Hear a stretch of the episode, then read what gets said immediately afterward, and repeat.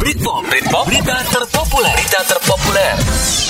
Halo assalamualaikum teman motion Apa kabar semua? Ketemu lagi nih sama gue Mamang Mamang Yang akan ngasih lo dua info yang lagi populer Tentunya cuma di Britpop Berita terpopuler Motion Radio Gak pakai lama Kita langsung sikat ke berita pertama Berita terpopuler.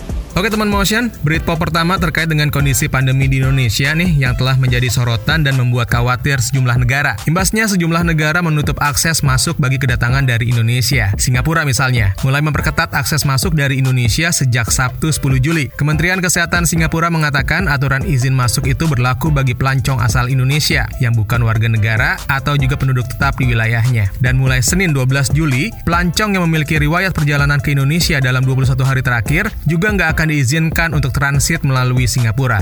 Terus Uni Emirat Arab yang selama ini hubungannya ikrip banget nih sama kita nih, sama Indonesia. Untuk sementara melarang kedatangan penduduk dari Indonesia. Larangan kedatangan tersebut berlaku mulai Minggu 11 Juli, kecuali terhadap misi diplomatik dan penerbangan transit. Arab Saudi bahkan sudah dari Februari ini melarang pendatang dari Indonesia. Sampai sekarang aturan itu belum dicabut.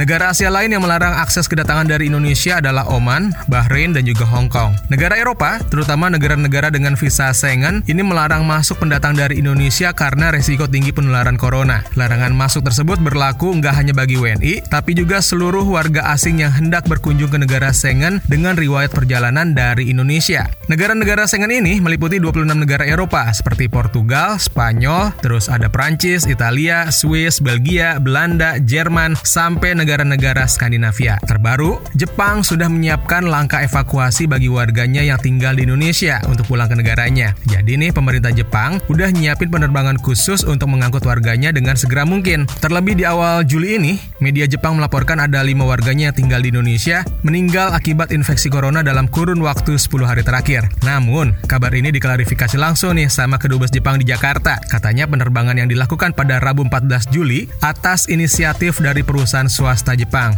Bukan usaha evakuasi maupun repatriasi dari pemerintah Jepang. Tapi yang pasti, seperti halnya yang dilakukan oleh Indonesia dan negara lain, pemerintah Jepang melakukan pembatasan masuk bagi orang-orang dari luar negeri. Berita terpopuler.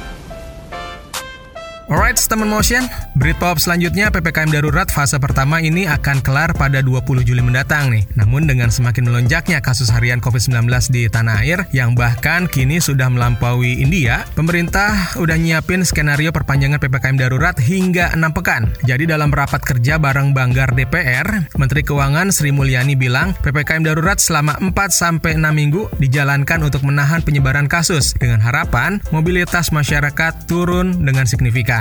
Implikasinya kalau skenario ini berjalan udah jelas banget ya. Yang pasti ya pada urusan perut. Kata Bu Ani, PPKM membuat tingkat konsumsi masyarakat melambat. Terus pemulihan ekonomi tertahan dan pertumbuhan ekonomi kuartal ketiga diprediksi melambat pada kisaran 4 sampai 5,4 persen. Nah, soal potensi perpanjangan PPKM darurat ini, Menko Maritim dan Investasi Luhut Binsar Panjaitan mengatakan kalau pemerintah akan memastikan kondisi pandemi terkini di tanah air. Mobilitas warga akan terus dipantau ketat dan untuk menurunkan lonjakan kasus harian, pemerintah pemerintah terus melakukan evaluasi dan penyekatan di beberapa titik di Jawa dan juga Bali. Selain itu, Pak Luhut juga terus mengevaluasi kapasitas rumah sakit. Untuk penambahan rumah sakit lapangan atau rumah sakit darurat akan dibantu oleh pihak TNI. Terus, Pak Luhut juga minta para buruh bekerja 50-50. Hitungannya nih 15 hari di tempat kerja dan 15 hari di rumah. Beliau mengklaim sudah koordinasi nih sama Menaker Ida Fauzia supaya dibuat aturan baru untuk jam kerja buruh selama PPKM darurat. Nah, sekarang gimana nih respon pihak pengusaha jika PPKM darurat diperpanjang. Yang pasti, menurut Ketua Asosiasi Pengusaha Indonesia atau APindo, Haryadi Sukamdani, keuangan perusahaan ya akan semakin berat.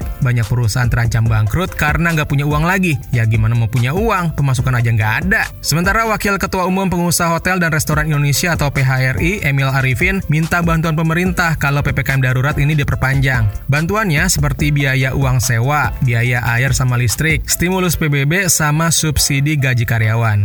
Aduh, makin berat ya. Tapi kita harus terus semangat nih dan berusaha biar hidup kita jalan terus, muter lagi ke atas, ke arah yang lebih baik. Dan ingat, prokes jangan sampai kendor. Right?